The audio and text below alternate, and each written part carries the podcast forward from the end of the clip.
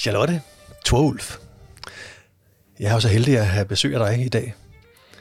Og øh, det er der mange grunde til. Fordi at du har øh, rigtig mange kloge ord, du har fortalt igennem tiden. Øh, og udover at vi skal, i hvert fald lige i starten her, øh, også være venner med naboens øh, plæneklipper, så, så kunne jeg godt tænke mig at, at, at starte med et billede, du fortalte. Ja. Øhm, og det handler egentlig om en bæk. Altså, det handler egentlig om at, at flyde med. Ja. Det lyder lidt abstrakt, øh, men det er det egentlig ikke. Det handler om det her med, som du beskrev det, at øh, er måske fordelen i at, at øh, have et, et øh, tænke i at flyde med en strøm. Mm. Øh, jeg tænkte så lidt videre. Jeg tænkte, ja, og hvad så med, øh, med, med de sten, der måtte være undervejs? Ja. Og så tænkte jeg, jamen der, der, jeg ser sådan to slags sten for mig. Der er dem, som allerede var der, eller som bliver placeret. Mm. Det kan være, øh, det kan være lovgivning. Der er noget, der, der regulerer det, noget, der begrænser mig. Det kan også være nogle andre, der siger, at det, det må du ikke, eller det, det, det vil jeg ikke have. Øh, og så er der alle de sten, som jeg i hvert fald kan se for mig, jeg selv kaster ud foran mig Mm. hele tiden. Og nogle af dem har, måske, har jeg måske kastet ud allerede som barn i en eller anden øh, forestilling om, hvordan jeg, jeg, hvad jeg ikke kan, og hvad jeg skal krybe udenom. Kan du, kan du fortælle lidt mere om, hvad, det, hvad du så i, i dit billede med, med, med vandløbet? Ja. Jamen altså, jeg vil sige, det er noget, der er blevet, jeg er blevet meget opmærksom på i mit eget liv gennem de sidste par år. Og set, hvordan jeg, altså nu er jeg 45 år, og kan se, hvordan at, at jeg først nu som 45 år er begyndt at leve meget mere i mit eget flow, og gå efter det, der føles godt i mit mm-hmm. liv. Og så, så er jeg jo nemlig begyndt at bruge det her koncept omkring vandløbet, hvor jeg har fundet ud af, jamen det med at kæmpe imod mig selv og kæmpe imod livet, det er jo, det er jo virkelig en måde at bruge rigtig meget energi på. Altså det er jo mig, der vader op mod, mod strømmen, bruger unødvendig energi, vader op mod alle de her sten, i stedet for at lade mig falde bagover, så bare flyde med.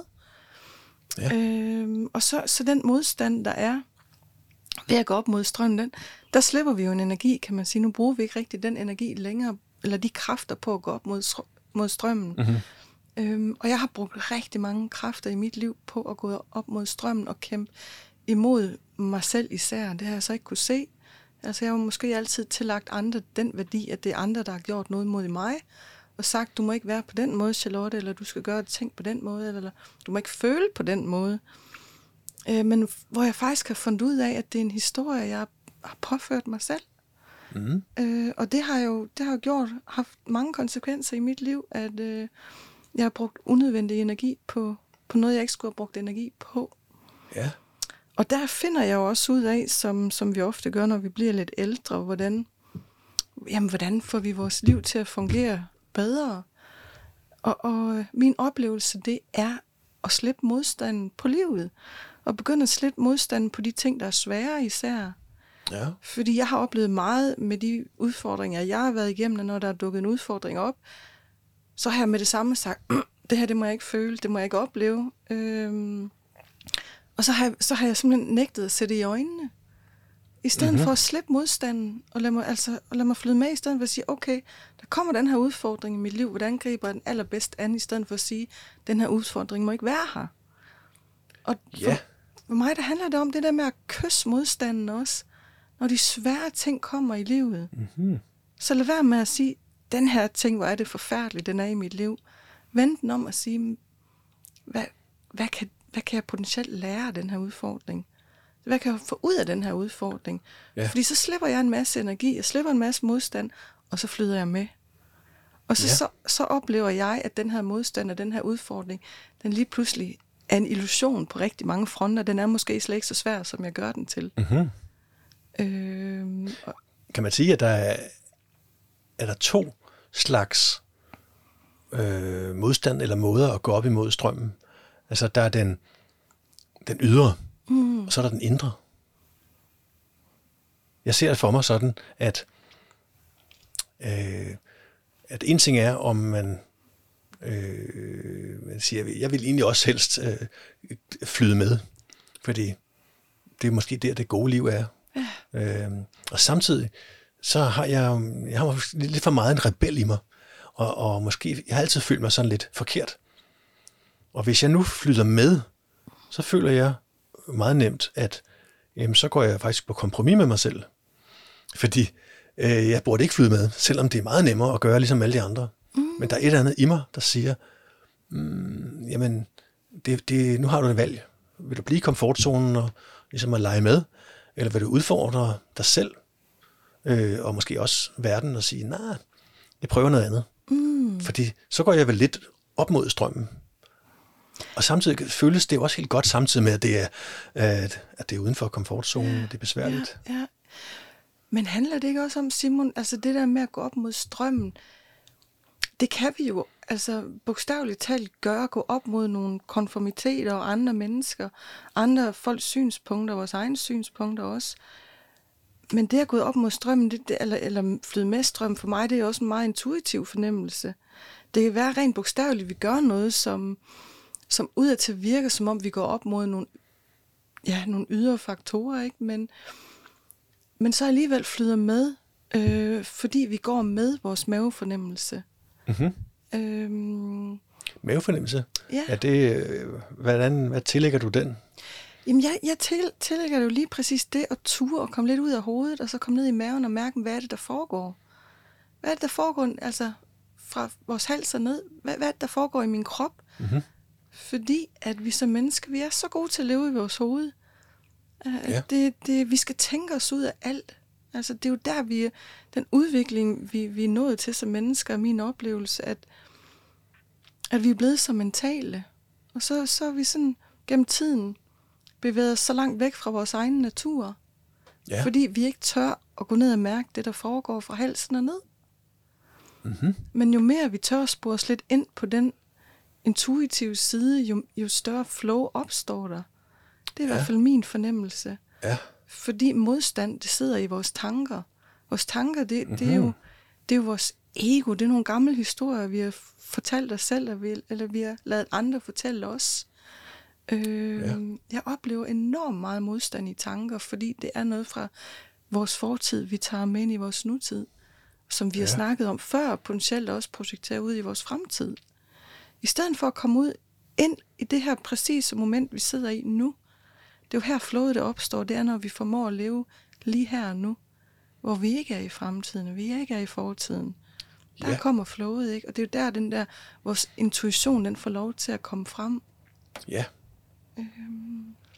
Og i forhold til alt det, vi er, man kan næsten kalde det vores styresystem, mm. at, som vi er, vi, vi er et produkt, som jeg ser det, ja. af alt, hvad vi øh, har lært igennem livet, og alt, hvad opdragelse og ja. kultur og enkeltoplevelser, gode og dårlige. Ikke? Oplevede vi, at vi havde succes med noget øh, gang på gang, og det blev nemmere og nemmere, eller har vi oplevet, at det bliver... Det her kan jeg så åbenbart heller ikke. Ja. Øh, at, at, at det efterhånden sætter sig som måske næsten går hen og bliver vores identitet. Fuldstændig. Helt enig. Helt enig. Ja. Og det er jo der, vi, vi kommer væk fra vores intuition og går op i det mentale igen. Ja. Det er jo, når vi går tilbage i de gamle historier. Ja. Og, og, og jeg oplever også, hvordan altså vi alle vi har været igennem noget i vores barndom og vi, i vores ungdom. Vi har måske haft nogle forældre, der har hvad hedder det, skubbet lidt, lidt i en retning og fortalt os sådan, nogle historier, som ikke har været sande. Øh, vores skolelærer, vores omgivelser, vores venner. Mm-hmm. Og så på et eller andet tidspunkt i vores liv, så har vi selv valgt at tage den historie til os, og valgt at tro på den. Så nu har vi faktisk gjort andres ord til vores egen, og nu lever vi den overbevisning, som andre de har fortalt os, om at jeg er ikke et godt menneske, jeg er ikke dygtig til at læse, jeg er ikke god til at få venner, jeg er ikke dygtig til det mm-hmm. ene eller det andet. Men er det rigtigt? Ja. Er det nu også rigtigt, når ja. vi kommer bagom de historier, som, som florerer i vores hoved? Ja den, den synes jeg er interessant at dykke lidt ned i, at øhm, øhm, om det nu også er sandt, det vi går og tænker. Ja. Jeg, jeg har et stort spørgsmål. Ja. Øh, og hvis du kan svare på det, så er du, så er du et eller andet overmenneske. jeg lige håbet, du, du har sagt, at jeg var millionær eller et eller Ja, andet. ja, Okay, det, kan, er det, det, det vil du også blive. Med det store gevinst. Det er ikke noget problem bagefter. Øh, det handler om, øh, hvordan kan vi vide, hvornår vi er os? Altså, man taler meget om Mm. det der med, at jamen, vi skal bare have vi skal bare have skrællet alle de her lag af løg Ja. øh, af, og så kommer vi ind til, ligesom, til kernen i os selv. Mm. Den vi er. Øh, og det er så den, vi skal, vi skal finde frem til, og så skal vi leve efter det, vi Ja. er, ligesom er inde i kernen. Yes. Men, men jeg tænker, øh, i praksis, når vi så bliver født, mm. så møder vi en verden. Og så begynder vi allerede der at skulle, øh, for får vi oplevelser, gode og dårlige oplevelser, vi får erfaringer, vi finder ud af nogle ting, øh, både hvad, vi, hvad der fungerer for os, og hvad der ikke fungerer, og hvad andre synes, og, og så videre. Ja.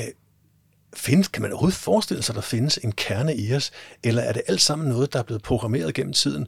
Så det med, øh, hvad står jeg egentlig for? Hvad er mine værdier? Mm. Kan jeg overhovedet sige, at det er mine værdier, eller skulle jeg bare lige skrælle et lag længere mere af? Mm. Så kan jeg godt se, Nå, men det var sådan set bare mine mors værdier. ja, ja, det er tankevækkende. Kan du følge mig? Ja, Altså, du kan tro, jeg Hvordan, kan. øh, hvordan kan man Jeg egentlig tror, vide, om man, om man har noget, der hedder mig? Jamen, altså i bund og grund, så tror jeg jo heller ikke i virkeligheden, vi har noget, der hedder mig, eller dig, eller jeg. Skal vi gå hen og blive meget filosofiske, ikke? Ja, ja. Jeg tror jo i bund og grund, at vi er noget, vi er, vi er en essens. Fordi når vi bliver født ind i den her verden, så, øhm, så kommer vi jo ikke med nogen historier. Vi er jo ligesom et blankt lade, når vi kommer hertil. Mm-hmm. Men allerede når vi bliver født, når vi kommer ud af mors mave, og vi får knæ- klippet negles, eller navlestrengen over, jamen det, den, den navlestreng, den bliver kla- klippet over, så oplever vi, vi vores allerførste kæmpe store chok. Ikke? Der er. Ja. en smerte her, vi bliver taget fra vores mor. Lige, lige, lige pludselig så er vi et separat væsen, hvor vi før har været en del af vores mor, mm-hmm. ikke? Vi har ligget i symbiose med vores mor. Ja. Og så lige pludselig kommer den allerførste fortælling, jeg er separat. Jeg skal, klare, jeg skal klare mig selv, jeg skal kæmpe for mig selv nu. Og så er det, at ego-identiteten, den begynder så småt at opstå, ikke? At frygten Ja. opstår måske også allerede ja. i det moment, vi bliver født. Ja. Måske inden også. Ja. Øhm, så hvad er vi? Det er jo et dybt spørgsmål, men, men Ja, det, det er det. altså jeg synes jo, at, at øhm, hmm, ja, vores identitet, det er jo alle de historier, vi har, vi har oplevet, det vi har fortalt os selv, hvad andre har fortalt os, men tør vi at skralde det væk? Så er vi ja. jo Ja. i virkeligheden blankt læret på en eller anden måde. Ja, og har vi, tør vi egentlig være der? Eller er vi i stand til det overhovedet? Ikke? Mm. Fordi jeg selv har, fra, har jeg fundet ud af, min egen visdom, fra, fra barns ben, så har jeg, ligesom alle andre, øh, fundet ud af, hvad, hvordan håndterer jeg det her med Ja. livet. Ja, Og for eksempel, bare for at tage et nedslag, så øh, tror jeg, at jeg fandt ud af, måske uden at vide det, at øh, min måde at håndtere øh, klassekammeraterne, mm. eller hvad det nu var, på, øh, i en situation, hvor der var nogen, der mobbede mig, ja, og jeg ikke var den store dreng i klassen. Jeg kunne ikke bare slå dem. Øh, det var at blive den der, den venlige pleaseren. ja, Øhm, det, var, ja, det var ikke noget, jeg havde tænkt over, at det var, nå ja, men så må jeg tage en pleaser-strategi. Men det var en måde at håndtere Ja. virkeligheden på. Og sige, okay, jamen, hvis jeg kunne undgå at blive dårlige venner med dem, mm. hvis jeg kunne undgå at, øh, at, øh, at fortælle dem, at jeg var kandidat til at overtage deres lederrolle, ja, så var jeg faktisk lige pludselig helt okay. ja, Og, og jeg legede også og hang ud med, med dem, der egentlig mobbede mig, når vi var tilbage i grupperne. Fordi vi kunne egentlig godt lide hinanden. Men, men det var helt klart en, en ubevidst pleaser-strategi. Og så kan man jo spørge sig selv, er det, er det noget, der ligger til mig? Er det en del af mig? Mm. Fordi det har, jeg, det har jeg så gjort i rigtig mange år.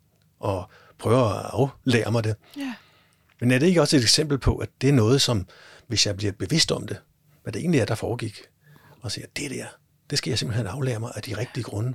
Fordi det kan godt være, at det, det bliver lidt op ad bakke, fordi det er meget nemmere at være pleaser, men jeg æder sådan set også mig selv op indenfra. ja. Men igen, der er jo der modstanden opstår. Ikke? Altså, fordi ego, det er jo vores kamp- og flugtreaktioner. Det er jo den der, når vi møder noget, der er svært i den ydre verden, jamen, hvordan håndterer vi så den? Bliver vi pleaseren? Bliver vi den, der kæmper igen? Og slår den anden på snotten, ikke? Ja. Ja. Men det er jo også noget, vi har taget til os som en måde at overleve på. Og jeg tænker, i de rette omstændigheder, de, med de rette mennesker hos dig, de rette settings, der tvivler jeg rigtig meget på, at du er pleaseren. Altså når du ikke er i kamp og flugt, men når du er i fuldstændig ro med dig selv. Det kan godt være, at du måske har en lille snært af pleaseren, men vil han være så markant, Mm-hmm. som hvis du er i en situation, hvor du er utryg? Har du ikke en større tendens til at blive mere pleaser, hvis du er sammen med nogle mennesker, der trigger det her sorg i dig? Det er nok rigtigt. Ja. Det, det, øh, det kan jeg ikke helt øh, skælne mellem, men, mm. men det kunne jeg godt se for mig. Mm. Fordi jeg har i hvert fald mange øh, år fortalt mig selv, at, øh, at øh, jeg gennem tiden har mødt mange folk, der ikke kan finde ud af at skelne mellem venlighed og svaghed. Åh oh, ja. At, øh, mm. at de tror, jeg er svag, Ja. men i virkeligheden er jeg bare venlig. Yep. Yep. Og, og nogle af dem, de, de mange heldigvis fanger det. Fordi det er jo også en skrøbelig ting, man skal, man skal værne om, ikke? hvis Ja. man skal være god ved hinanden. Men så er der også dem, der tænker, hey, det var da utroligt, så meget han, han øh, glatter ud, eller han giver mig. Ja. Bliver ved, til trods for, at jeg øh, måske ikke er helt fin mm. i min opførsel. Mm. Fordi de tænker, at jeg er svag. Mm.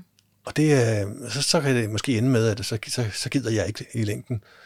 Øh, så trækker jeg mig. Ja. Eller en sjældent gang imellem, at jeg simpelthen siger fra og siger, at det bliver ikke til noget. Og så kan de blive helt overrasket, fordi, jamen, nå, det, det, det troede jeg du bare, du ville sige, hvis det var Ja. et eller andet problem, ikke? Ja. Jamen, den Det er en nikker følsom størrelse. Det er en meget følsom størrelse. Jeg nikker så meget genkendende til den, fordi de elementer slås jeg også selv med. Ja, Det, det må jeg sige. Men, men jeg synes jo også, jo mere bevidste vi bliver, jo mere har vi en mulighed for at reagere og gøre noget anderledes. Ja. Ikke, så har vi lige pludselig et frit valg. ja, Før, altså, inden vi begynder at gå ud i det, altså blive mere bevidste og tænke over, hvordan vi lever vores liv, så har vi jo ikke et frit valg. Så er det jo bare en, pro- et program, der ligger så dybt integreret i os, og så lever vi ud fra den ego-bevidsthed. Og så Ja. har vi jo ikke et valg. Ah, så Vel? du siger, at hvis vi er bevidste om os selv, så er vi også i stand til at få et større frit valg i forhold til, at vi Absolut. kan, vi kan vælge til og fra, Absolut. selvom vi skal kæmpe og arbejde med det selvfølgelig, øh, med os selv. Men, men, men så kan vi i hvert fald sige, at den her automatreaktion, eller den der den fordom, eller den holdning, eller den forholdemåde, den kan jeg, er i stand til at vælge fra i hvert fald, mm, om jeg så skal kæmpe. Ja, lige præcis. Aha. Og jeg synes, efter at have fået den bevidsthed i mit liv, det har gjort en verden til forskel.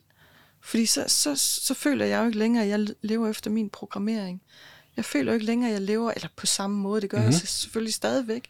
Men, øh, men jeg lever ikke så meget efter de historier, jeg er blevet fortalt af mine omgivelser. Fordi Nej. jeg lige præcis er blevet bevidst om, hvordan mine han- handlemønstre skader mig selv og andre. Det Ja. var jeg ikke før, fordi jeg var et meget traumatiseret menneske, som skulle overleve. Altså, jeg, jeg var stykket så meget ned i min ego-identitet, at jeg ikke oplevede, at jeg havde et frit valg. Men, men jo mere jeg kom ud af den kamp-flugt-reaktion, og min, mit nervesystem begyndte at komme på plads, og ikke være så overaktiv, jo mere oplever jeg også et flow i livet, og, og nogle muligheder der. Altså, at jeg selv har nogle muligheder, nogle valg, Ja. jeg kan vælge til og fra. Og det er interessant, fordi jeg sad for nylig og fik tanken, øh, kan jeg vide, hvor meget her i livet, øh, der er øh, noget, som er, apropos det der med stenene, mm. hvor meget er noget, der ligesom er vilkår. Ja. Sådan er det. Ja. Eller det er noget, andre styrer. Ja. Det er noget, andre må tage ansvar for. Mm. Øhm, og så, hvor meget er det egentlig noget, jeg selv har magten over? Mm. Hvor meget jeg selv kontrollerer Ja, ja. men også tager, må jeg er nødt til at tage ansvar for. Og så tænkte jeg, nu laver jeg sådan en, en liste. Og det endte med, at der var 99 procent øh, over mod, der har jeg selv styr på det her. Ja. Hvor jeg ikke kan sige andet end, at jamen, det, er, det er altid, stort set altid, mig selv. Den ligger hos den bold. Mm, jeg kan ikke øh, sige, ja, men jeg er jo også offer for, for de store grimme et eller andet, og de må også øh, forstå, og, og hvis de bare havde lavet tingene om, Ja. det er faktisk mig selv. Ja. Og det er jo både lidt skræmmende og lidt fascinerende. Lidt skræmmende, fordi, uha, det vil sige, nu kan jeg ikke bare sige, at øh, ah, det kan jeg jo ikke gøre noget ved. Det kan jeg stort set altid. Ja. Og, men samtidig så giver det jo også det der empowerment, at hey, det gør faktisk, at hvis jeg vil øve mig i at, at gøre noget, der er bedre for mig og for verden, så ligger bolden også hos mig. Ja, det er, Det er jo så egentlig godt fantastisk. Sagt. Det er smukt sagt, og det er nemlig så godt et ord, det du bruger med empowering, synes jeg. At det er noget styrke, vi kan tage tilbage igen. En selvrespekt, vi kan tage tilbage. Ja. Fordi på et eller andet tidspunkt, så er der jo noget, der er blevet taget fra os i en eller anden form, ikke? Eller noget, vi er blevet givet, som, som vi ikke har haft et ønske om at få. Øhm, jeg kan se det fra mit eget liv, at, at jeg har jo været alvorligt syg i rigtig mange år. Og jeg er jo kommet til at leve i en identitet af sygdom. At jeg er den syge med den sygdom. Ja. Øhm, hvor det er blevet en identitet, og hvor jeg har fundet ud af, at det at være et offer, øhm, det har gjort mig noget godt i de år. Altså det har selvfølgelig været på et dybt ubevidst plan, men, men, men det at være syg for mig, det var den måde, jeg har fået kærlighed på. Sige, uh, i dag, der har jeg det på den måde, så har jeg fået omsorg af mine mhm. omgivelser. Mm-hmm. Ikke? Jeg har ikke haft andre muligheder for, følte jeg dengang, at, at, at få den sande kærlighed på. Fordi at nu havde jeg været igennem den her form. Det er jo den måde, jeg lærte at modtage kærlighed på. Det var igennem det at være et offer. Ja. Så bliver jeg, der sker noget i mit liv, jeg vågner op til en anden realitet og siger, jeg har ikke lyst til at være et offer længere, fordi mm-hmm. der ligger ikke noget styrke i at være et offer. Nej. Men, men det gør jo også, at jeg bliver tvunget til at gøre noget, der er helt anderledes. Øh, jeg bliver nødt til at lave noget fundamentalt om i mig selv. Altså, jeg kan jo ikke vente på, at der er nogen, der kommer og redder mig. Mm. Eller jeg får en pille hos lægen, så får jeg det bedre. Den, den, den, den må jeg hellere lægge på hylden. Men fordi det er så fundamentalt en livsændring, så skal man også være bevidst om, at det er jo ikke noget, der sker fra den ene dag til den anden. Vi er jo blot mennesker. Mm-hmm. Så der er jo ingen af os, der er den oplyste Buddha, der sidder ude på Nej. under bodhitræet vel, og, øh, øh, og er i flow med det hele. Altså, vi er, jo stadig, vi, vi er jo stadigvæk mennesker i en menneskekrop, ikke? Ja.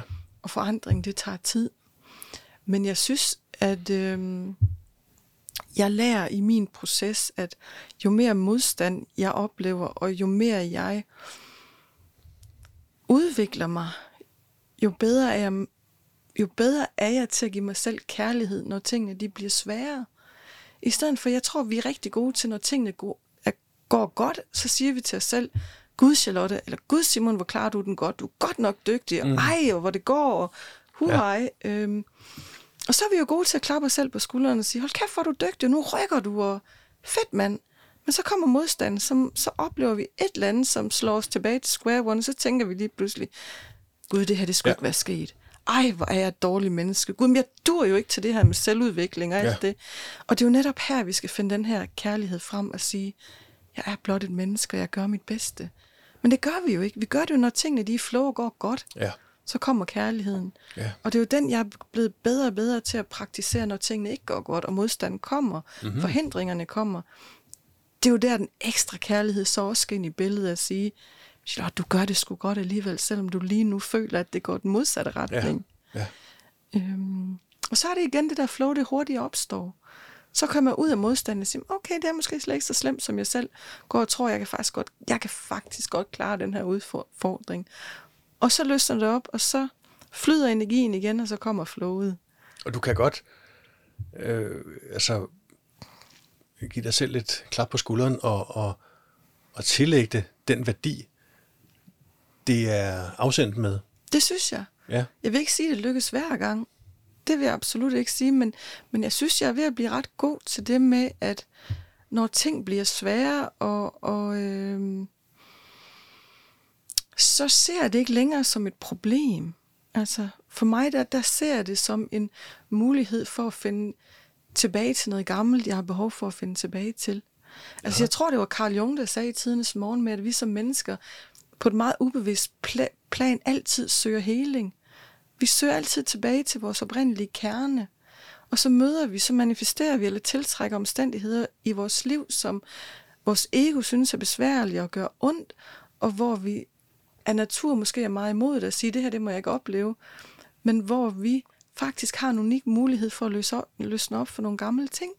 Det er gammelt sår, der har mulighed for at blive helet. Mm-hmm. Det snakkede han rigtig meget om, vores skygger. At, ja. at hvis vi bliver bevidste omkring dem, og en mulighed for integration af noget gammelt, så bliver det ikke længere noget grimt, der sker mod os. Så tværtimod, så bliver det faktisk en oplevelse, som gør, at vi har større mulighed for at opleve helelse. Ja. Øh, og, og den synes jeg er rigtig, rigtig smuk, fordi igen, så, så er det der, jeg oplever, at modstanden, den opløses. Øh, Jaha, fordi modstanden den kommer. opløses? Altså modstanden, så at din indbyggede modstand mod dig selv? Jamen ja, det kan det for eksempel være. Altså lad, mig, lad os sige, hvis jeg har, nu har jeg jo for eksempel rigtig meget frygt i mit system, at jeg har meget frygt i mine celler, jeg skal opleve med, at jeg har været meget styret af frygt i mit liv. Jeg har været bange for nogle ting. Og så har jeg også skulle ligesom kigge på, hvorfor har jeg været bange for de ting? Hvorfor har jeg været bange for at blive rask, for eksempel? Ja. Øh, ikke? Altså, hvordan Ja. ja. kan man have modstand på at blive rask? Ja. Jamen, det, det er fordi, jeg har været syg i, i de her mange, mange år. Jeg kan ikke forestille mig et liv, hvor jeg ikke er træt, og jeg ikke er udmattet. Hvorfor kan jeg ikke forestille mig det? Altså, er det fordi, jeg har modstand på at få succes? Ja, og Der det, er- det er interessant, det du siger der. Jep, jep, jep. Fordi den, det kan jeg huske, at vi snakkede om en gang, hvor du nævnte det. Ja, Øhm, og jeg sådan lige rykker lidt tilbage i stolen, fordi det har jeg selv tænkt. ja, Øh, og jeg kan huske en gang, jeg, øh, fordi det nok var måske den første og eneste gang, jeg havde nævnt det for en anden, en kammerat, hvor jeg sad sådan og filosoferede lidt, så, så siger jeg så, jamen, jeg tror faktisk, at jeg i nogen grad er, er sådan bange for at, få mm. succes. ja. Det forstår han slet ikke. Altså, han var helt... Hvad? Altså. Ja. hvorfor skulle man dog være bange for at få succes? Det var da det mest latterlige og selvdestruktive, ikke? Og jeg sagde, ja, det er rigtigt nok. Det er det Ja, faktisk. ja. Jeg kan ikke forklare det. Nej. Men, men, men det er sådan, jeg, jeg tror, jeg har det. Ja, Øh, at, at det er der et eller andet, der siger mig, det, ah, det, det, det er forbeholdt de andre, og de er jo så gode. Ja. Og, og hvad skulle jeg få succes med? Jeg synes også, jeg har prøvet, og, og så Ja. videre. Men, men du har jo også en, netop en vinkel på, at øh, frygten for for Succes? Eller frygten for at blive rask. Frygten ja. for, at der sker noget positivt i ens liv. Ja. Så er det jo at tænke, hvor vi har haft de oplevelser før, hvis vi snakker ud fra det perspektiv om at hele. Ja, kunne det være i vores barndom, vi har haft nogle oplevelser, hvor vi er kommet hjem efter skole, og vi har haft en vanvittig god oplevelse med, at vi har scoret et mål, kom hjem til for, vores forældre og sagt, ej, det var min skyld, at vi vandt den her kamp.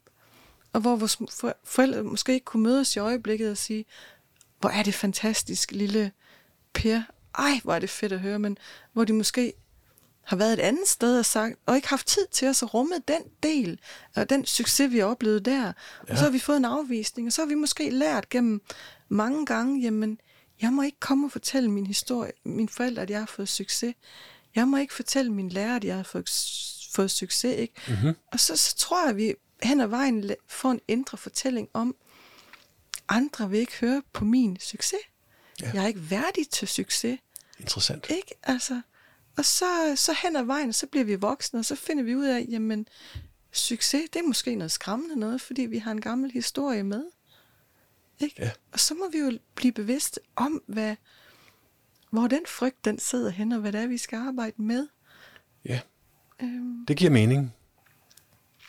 Øh, og jeg kan selv se det for mig i forhold til min egen opvækst, mm, ja, hvor, øh, og det har jeg konfronteret ham med, min egen far, det været din far. at, øh, at, øh, at øh, jeg, jeg vil ikke sige aldrig, men jeg kan næsten tælle det på en hånd, hvornår jeg i hvert fald har oplevet at blive anerkendt. Mm.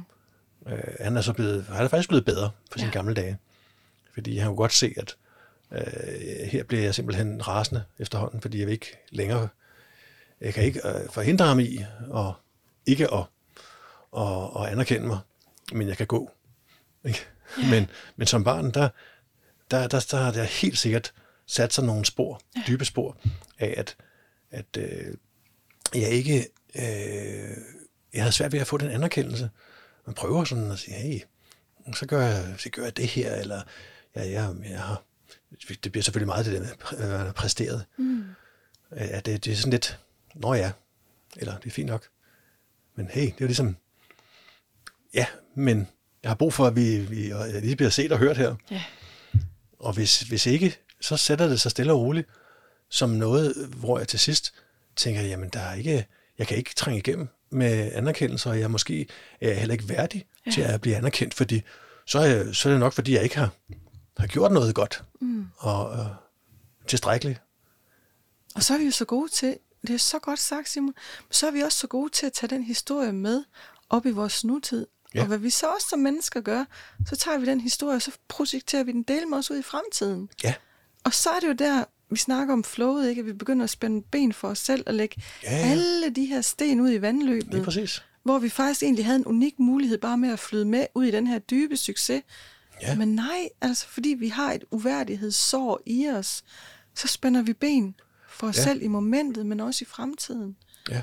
Ikke? Altså, Og det er lige før, at det bliver et aktivt valg, ja, øh, i hvert fald for mig, at jeg nogle gange laver benspænd for mig selv. ja, Øh, og jeg kender jeg det også, når jeg tænker over det fra forskellige andre gode mennesker, øh, at vi, vi lægger benspænd ud for os selv, næsten sådan øh, som noget, som, som der gør det til en selvopfyldende profeti, at vi ikke får succes. yep. Fordi det ville jo kræve, at vi havde øh, 80 millioner på kontoen, så skulle du bare se, hvad der skete. Eller Ja. at øh, øh, hvis jeg havde øh, den her uddannelse, fik jeg gjort den færdig, eller øh, øh, noget evne inden for et eller andet, Mm. eller nogle bedre kontakter, eller boede et andet sted, eller ja. havde en større bil. Hvad ved jeg, ikke? Ja. At der igen, at, at, at vi tildeler de sten, der ligger i, ude i bækken, de, for det første opfinder vi dem, ved at kaste dem ud, og så mm. sige, uha, se nogle forhindringer, der ligger der. Dem kan jeg jo ikke gøre noget ved. Mm. Men i virkeligheden, så, så kan man sige, at du har, du har selv skabt dem i dit eget hoved. Ja. Og mange af dem, det er også nogen, du simpelthen helt bevidst eller ubevidst har valgt at lægge dig ud, Ja. sådan at det ikke skal lykkes for dig. Og jeg tænker, og jeg tænker også, at, at når du så går hen og får succes og finder ud af, at du er skabt til at få succes, altså lad os sige, du, du får den her anerkendelse og succes, når du så opnår den, jamen så vil det jo også ligesom sende et signal til, at de historier, du har fået fortalt tidligere, de måske ikke har været rigtige. Så kan Ja. vi jo godt bevæge os hen i et sted, hvor vi finder, ud af og oplever, at vi har levet på en illusion. Ja, Altså, så, er det jo, så er det jo noget, vi skal forholde os til. En, en fortid, vi skal forholde os til, som nødvendigvis ikke har været rigtig. Og det er altså smertefuldt som mennesker. Ja. Lige pludselig at finde ud af, jamen den her fortælling, den er ikke rigtig. Og hvad har jeg så spildt mit liv på? Har jeg brugt 50 Ja. ja. år på mm. at spænde ben for mig selv, fordi der var nogle mennesker, ja. der fortalte mig en historie, ikke? Altså, og så lige pludselig så er det jo et kaninhul, vi er nede i, fordi så er der altså nogle sår, der får lov til potentielt at kigge frem, og tør vi det som mennesker? det er det. Og er vi, apropos det med energien, eller det gode liv, er det, er det umagen værd? Mm, er det prisen ja. værd? Ikke? Altså jeg, jeg ser øh, lidt som, at øh, jeg har mit eget indre øh, moralpoliti og, og sharia-lovgivning. Ja. Jeg siger, Den er barsk. Ja, den er bare sådan, at sige, nej, det, det skal du, du ikke, det skal du ikke, det kan du ikke, det må du ikke. Mm. Øh, og så, så nedkalder jeg så nogle fatvæger over mig selv, der fortæller alt det, øh, jeg skal lade være med. Ja. Lad være med at stikke næsen frem. Mm-hmm. Nej, øh, du skal næsten ikke, øh, du skal næsten ikke øh, skrive, hvad du synes på, på Facebook. Mm. Fordi, øh, hvad nu hvis der er nogen, der synes, at det, det er de ikke enige i? Jamen, så betyder det åbenbart mere, hvis der er en, der siger, nej, sådan ser jeg ikke på det. Det betyder åbenbart mere, end hvad jeg selv påstår af mine egne værdier. Mm. Så, Ja, fordi så, så kan han jo potentielt også bekræfte de historier, du har fået fortalt tidligere, ikke? Og så må den historie jo være sand, ja, medmindre du er Ja. begynder at hvile så meget i dig- dig selv, og blive så bevidst og finde ud af, jamen, Ja. Det er måske, det, den, det jeg har fat i i mit indre, det er måske det rigtige, og måske står jeg et sted i mit liv nu, hvor jeg tør at stole på det, og måske begynder jeg endda at møde mennesker og omstændigheder, som vil støtte mig i den energi. ja.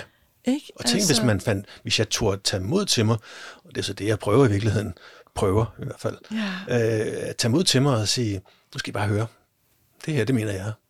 Og jeg siger det ikke for at provokere nogen, mm. øh, også fordi jeg har heller ikke nogen afsindige holdninger, synes jeg, men, men måske viser det sig også, at, øh, at dem, der egentlig reagerer på det, det er dem, der siger, ej, hvor er det genialt, hvor er det mm. godt set det der, ej, hvor er jeg enig med dig, at det faktisk kunne, i stedet for den her, min forestilling om, hvor, ja, nej, nej, nej, nu rejser der sådan en kor, alle smider mig af Facebook, Ja. øh, der er ingen, der ringer til mig mere, Ja. de vil ikke have mig, jeg er ude.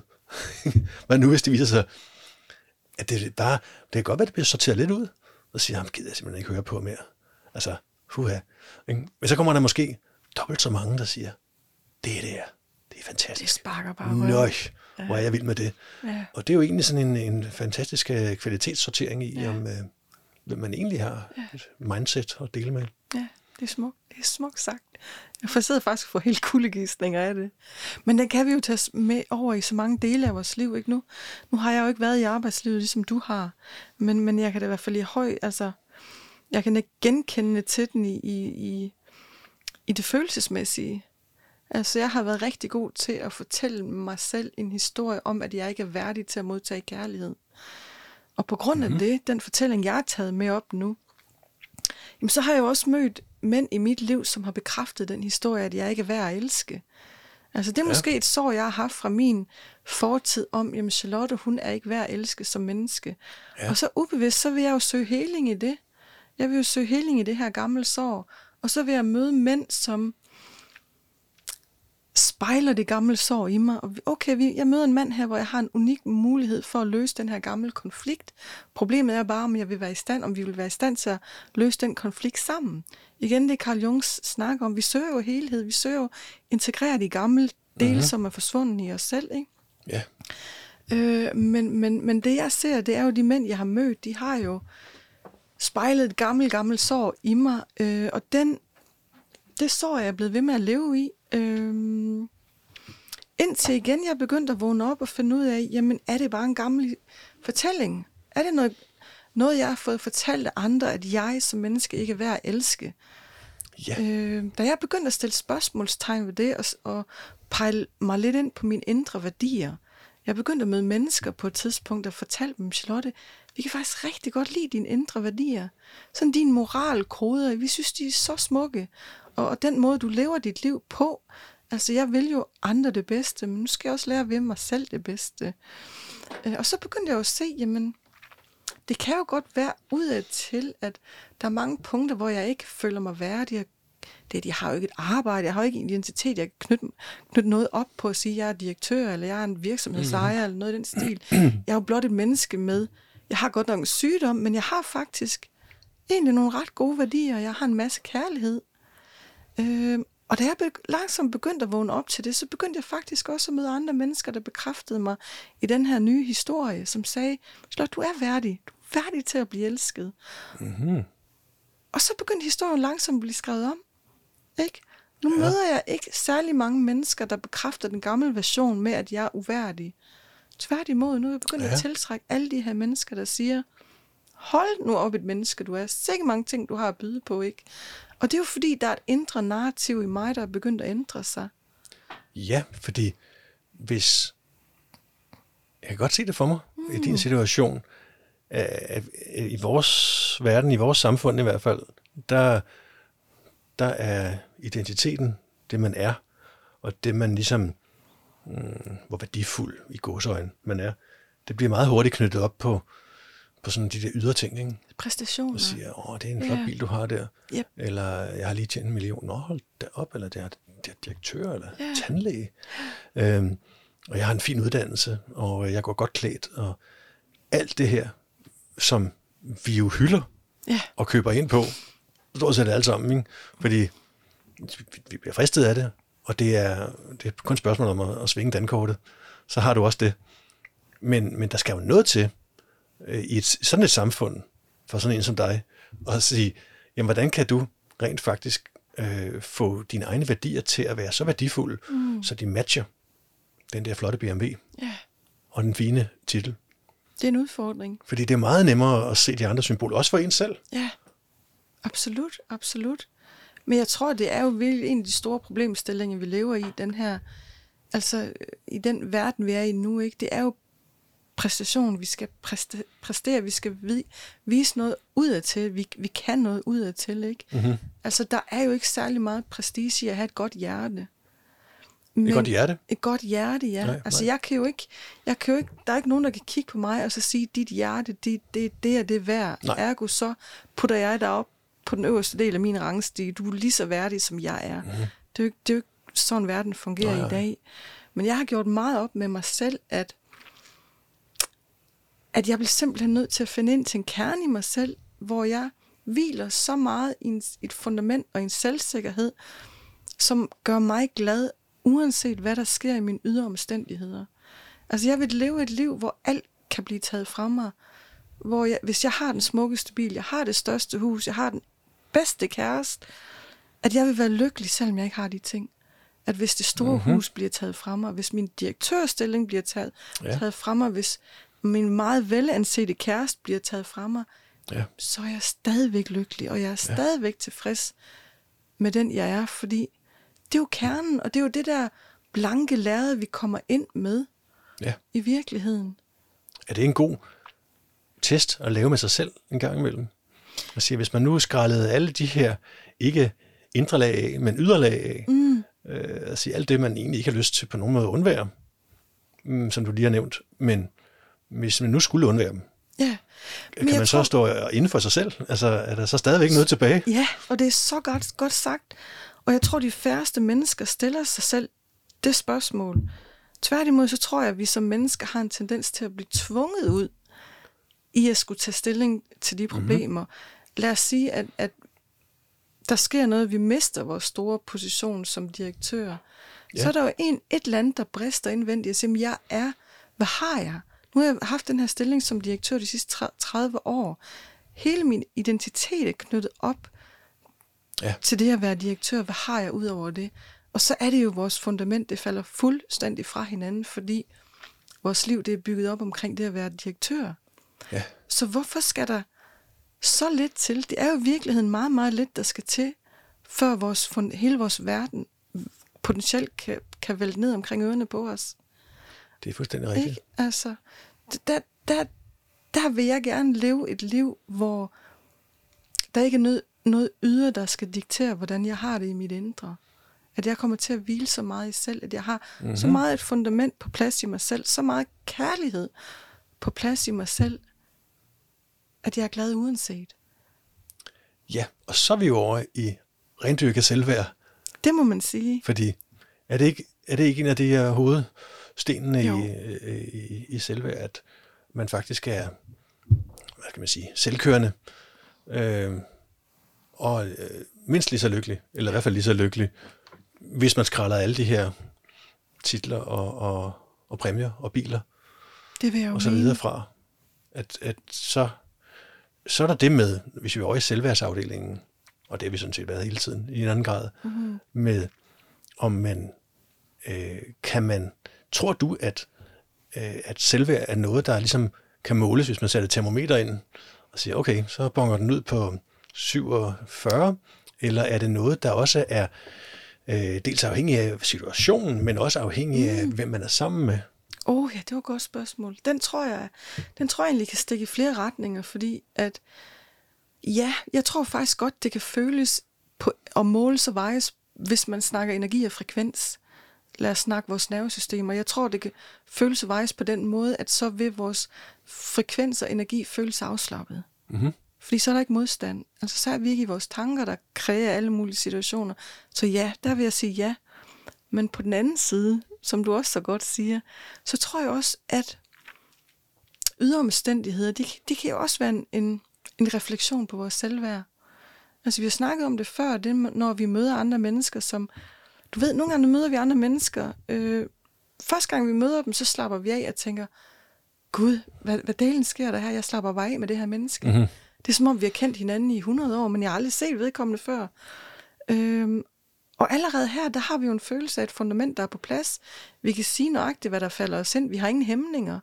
Hvorimod, hvis vi møder et andet menneske, som, som måske prikker til noget i os, en uværdighedsfølelse, at lad os sige det fra, min egen, fra mit eget perspektiv tidligere, hvis jeg mødte et, et menneske, som, som øh, havde en høj stilling. Et, ej, det har, aldrig, det har nu aldrig betydet noget for mig.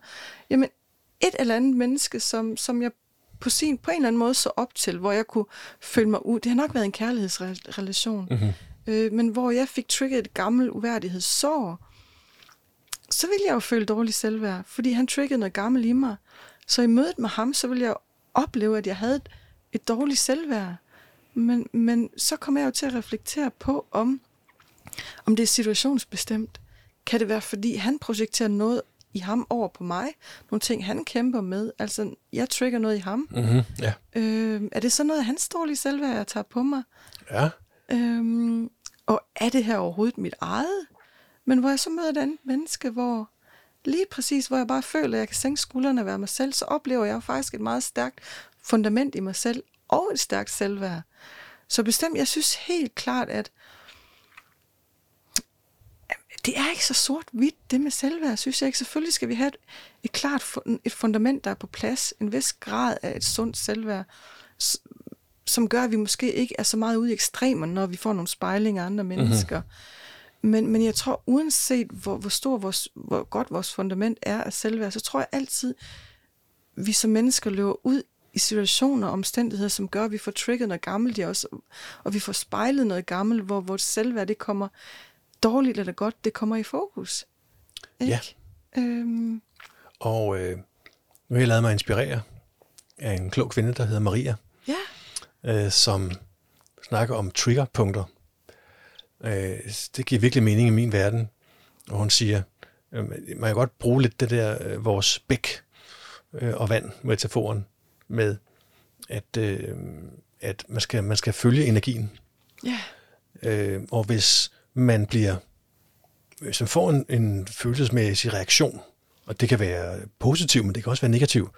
Altså det kan være begejstring over et eller andet, eller passion for noget, eller wow, eller måske mere typisk øh, eller andet, man bliver vred, eller man bliver indestængt, eller man bliver skuffet, eller man, øh, man, man får en negativ reaktion, så er det, så kan man sige, okay, det, det, det er her energien er.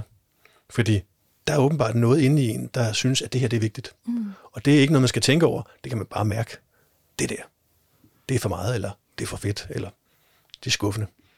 Og så, så ligger opgaven i at sige, så, så grib den, hvis vi er bevidste om det, og sige, der er noget der, der skal arbejdes med.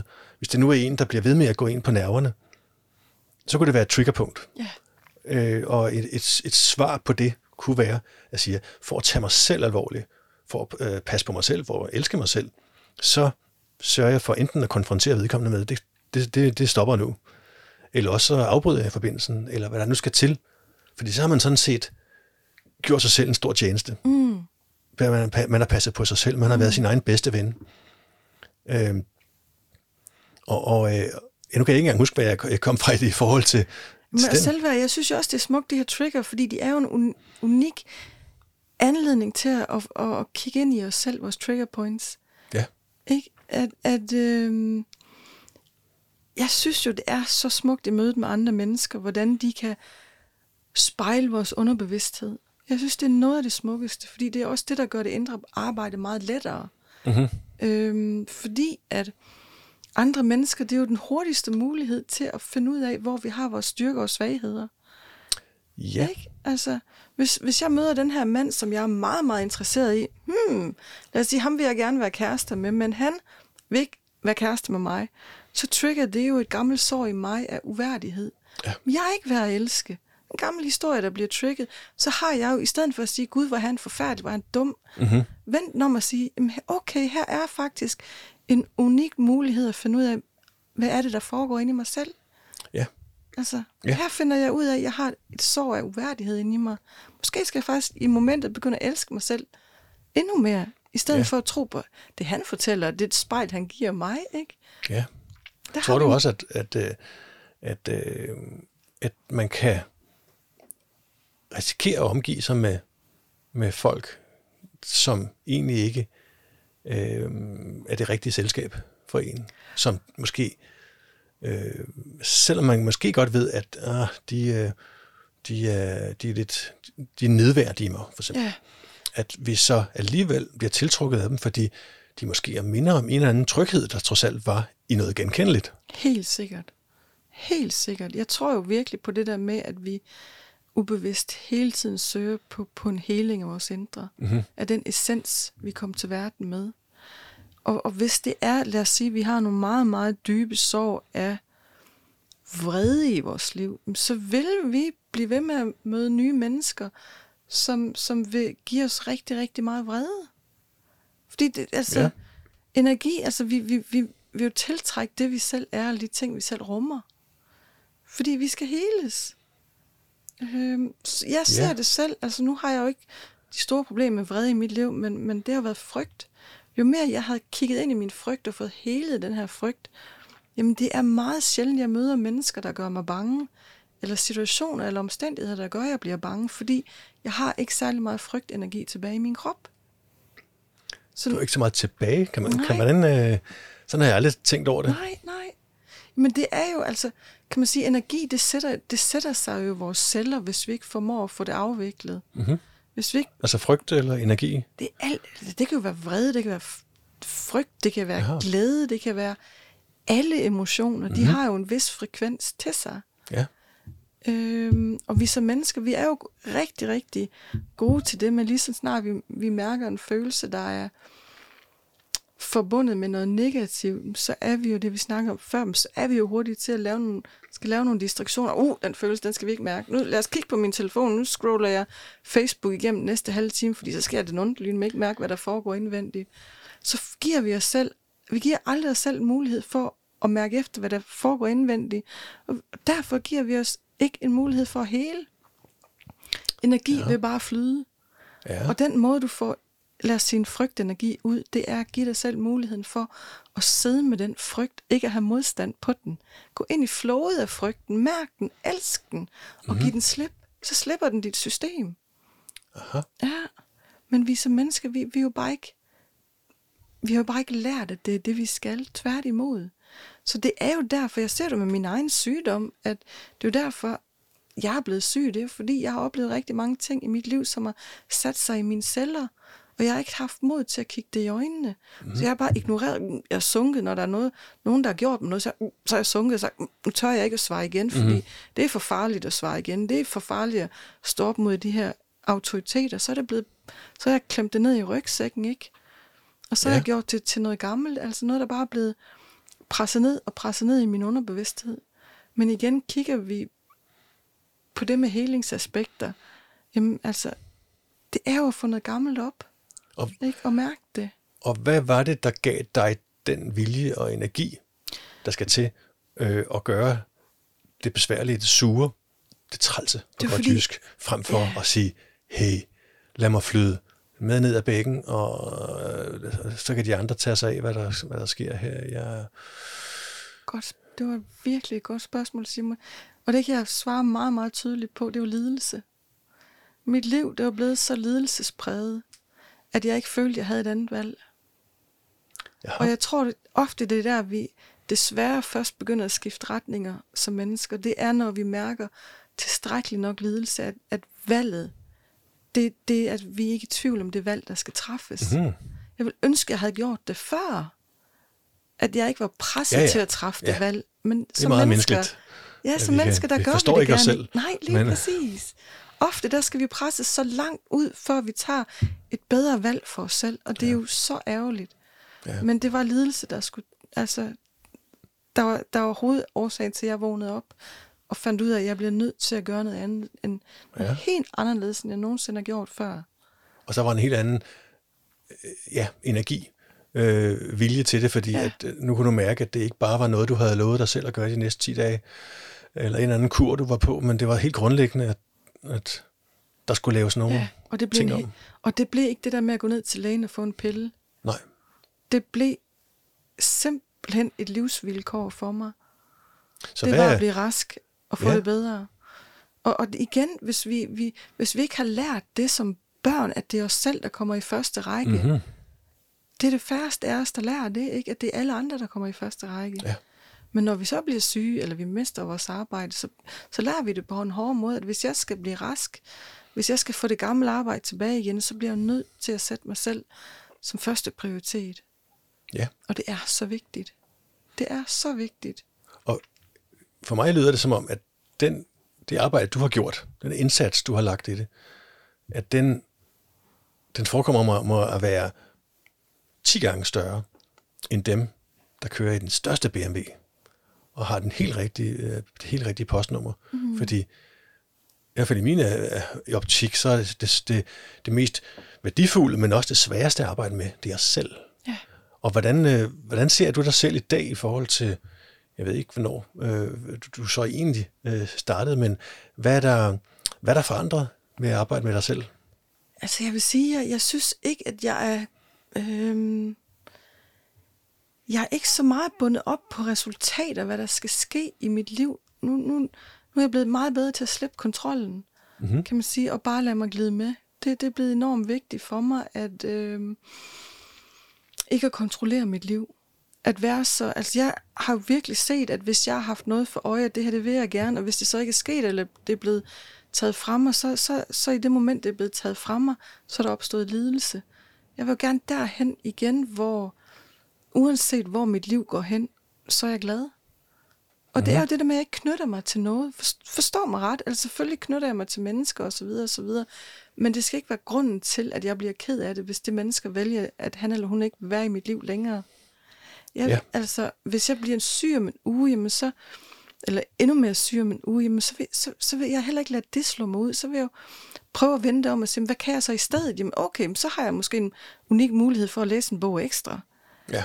Ikke? Altså, ja. det er jo virkelig en tilgang til de ting, vi møder. Altså den ja. indstilling, vi kommer ind ja. i livet med. Øhm, og så igen mærke efter.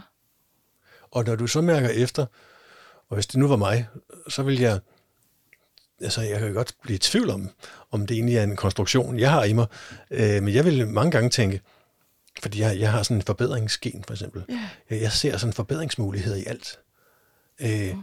Og, og øh, nogle gange hader jeg mig selv for det, fordi det er bare sådan øh, belastende. Øh, heldigvis har jeg også en empatisk gen, så jeg kan stoppe mm. mig selv.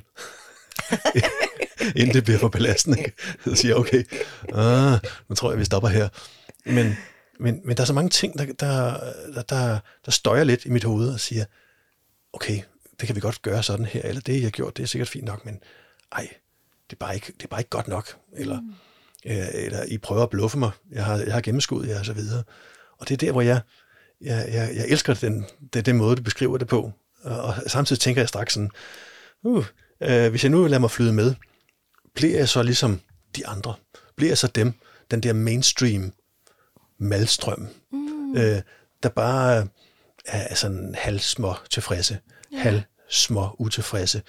Men det hele fungerer jo, og det går sgu nok det hele. Mm. Og jeg gider ikke forholde mig til verden og til alle de her ting, der kunne være bedre. Øh, har, du, har du nogle gange de overvejelser, hvor du tænker, her har jeg bare brug for at stands op og sige fra, eller eller oh, gå mod strømmen? Sikkert, absolut. Hvis vi lige skal absolut. vende tilbage til det med strømmen der. Ja, jamen, absolut. Men, men det, tager også, det tager også lang tid. Altså, jeg tror, at, at vi som... Øh, ja, nu tror jeg ikke, vi er født til noget, men, men os, der har lært at være pleaser, det er enormt svært at finde ind til vores, vores behov. Øh, men det er også enormt svært at skille sig ud fra flokken. Og lige pludselig blive sårbar i vores enkelhed og i vores unikhed. Øh, det synes jeg i hvert fald. For mig der er det, det er måske lidt modsat det, du siger med at glide med strøm. Jeg har haft en tendens til at gerne ville glide med strøm, fordi så skældte jeg mig ikke ud. Og, mm. og når jeg ikke skældte mig ud, så var der heller ikke en mulighed for ligesom at komme til skade. Så er jeg en del af flokken. Og så, så blev jeg ikke det her dyr, der var sænket ud, vel? Øh, og som bliver meget, meget mere sårbart. Ja. Øhm, ja. Mm. Jeg synes, jeg taber tråden lidt. Ja, men det er også, fordi den er, den er svær. Men, ja. men, øh, men, men det, det handlede om det her med, øh, om man skal, altså om er svaret bare, at man skal glide med strømmen, øh, fordi der er så mange fordele ved det, og der kan også være nogle gode grunde til det, og det kan også være det bedste for en selv, hvor jeg, hvor jeg er sådan en som mig, vil tænke, jeg vil egentlig hvis jeg, hvis, jeg, hvis jeg kunne, så ville jeg bare øh, ikke bare hverken glide med strømmen eller imod strømmen, men mm bare finde min egen strøm. Ja, altså, hey, det er godt sagt. Den vil jeg på, ikke? Og så viser det sig, at her er, glider jeg bare med, fordi det er fint nok. Yeah. Eller jeg overgår ikke at, at, at gøre hverken modstand eller medstand, hvad, hvad man skal kalde det. Ikke? Øh, og så er der masser af steder, ligesom der, hvor jeg beskrev, at, at øh, her har jeg egentlig lyst til at fortælle, hvad jeg synes. Yeah. Og men så tænker jeg straks, nej, kommer min indre, indre lille, øh, hvad hedder det, vogternes råd, yeah. og siger, er du sikker på, at du har lyst til at fortælle det her? Fordi du har egentlig ikke hørt, lyst til at høre, hvad andre synes mm. om, om mig. Mm. Ikke? Så derfor begrænser jeg mig selv. Det vil sige, jeg, jeg, jeg undgår sådan set at gå opstrøms, yes. fordi jeg overgår egentlig ikke øh, balladen. Men så holder jeg det bare inde i mig selv, og det føles yeah. også sådan lidt øh, ufedt, fordi så er det sådan lidt, lad dog være. Og så yeah. er vi over i det der med, aktivere dit potentiale. Yeah. Hvad nu, hvis hvis verden havde brug for mine holdninger og mine værdier, mm. og jeg så selv vælger at sige, ja, jeg, jeg glider bare sådan stille og roligt ned ad strømmen. Mm, mm. Altså, jeg synes jo selv det med, at, at øh, jeg synes jo stadigvæk, du glider ned ad strømmen på den gode måde, mm-hmm. men, men øh, når vi skal udvikle os, så, så, så er der jo Så vil jeg jo ikke sige, at vi går mod strømmen. Det kan godt være, at det, det er en rumtid, kræver noget mere energi, men der ser jeg det nærmest mere som den sten, vi skal udenom, når vi lader os flyde med. Ja. Der kommer en sten, vi lige skal navigere ja. lidt udenom, fordi hmm, det tvinger os til at stoppe op og lige skulle tænke lidt ekstra. Men det er jo en del af gamet for udvikling, ikke? Ja. ja. Altså det er jo, udvikling, den ligger jo i form af modstand, kan man sige. Ja. Så der skal være nogle sten i, i, i, i bækken foran en. Det er ikke fordi, man, det handler om at få fjernet alle stenene. Absolut ikke, tværtimod. Altså jeg tror jo virkelig, vi er sat på jorden. At hvorfor, altså, ja, det er jo et stort spørgsmål her, hvorfor, hvorfor vi lever, eller hvorfor vi er mennesker. Men jeg tror jo, vi er her for at udvikle os som mennesker. Mm-hmm. At der, det er jo ligesom skole, vi er blevet sat ned på. Vi har et kæmpe udviklingspotentiale. Spørgsmålet er bare, om vi tør at gribe den. Ja, Ikke? det er jeg glad for, du siger. Det. Lad mig her til, til slut øh, lige høre, og jeg kan ikke engang huske, hvem der har sagt det, men du havde sådan et fint citat om den længste rejse. Ja, den længste rejse. Ja, jeg tror, det var en gammel buddhist, der sagde det. Nu må jeg ikke, nu må jeg ikke hænge mig op på det, men at den læng- længste rejse, som vi som mennesker nogensinde kan komme på, det er jo fra hovedet og ned i hjertet. Og jeg synes, den er så smuk. Ja, Ja. Og det er jo det der, i hvert fald i min verden, lærer at komme lidt ud af det hoved der, hvor vi overtænker, overtænker og mentaliserer alting. mm-hmm. Kom ned og føle, hvad der foregår fra, altså fra hovedet og ned, ikke? Fordi det tør vi som regel ikke, at det, det er for smertefuldt, men der gemmer sig så stort et potentiale dernede. Mm. Det er en lang rejse at tage, og der er nogle ting, der skal afvikles, og der er nogle ting, der skal udvikles, men øh, det er simpelthen den bedste vej, vi nogensinde kan begive os ud på. det var et godt sted at slutte, tænker jeg. Charlotte, tusind tak for at berige os Ja, tak fordi jeg må komme, Simon. Det var en fornøjelse. i lige måde.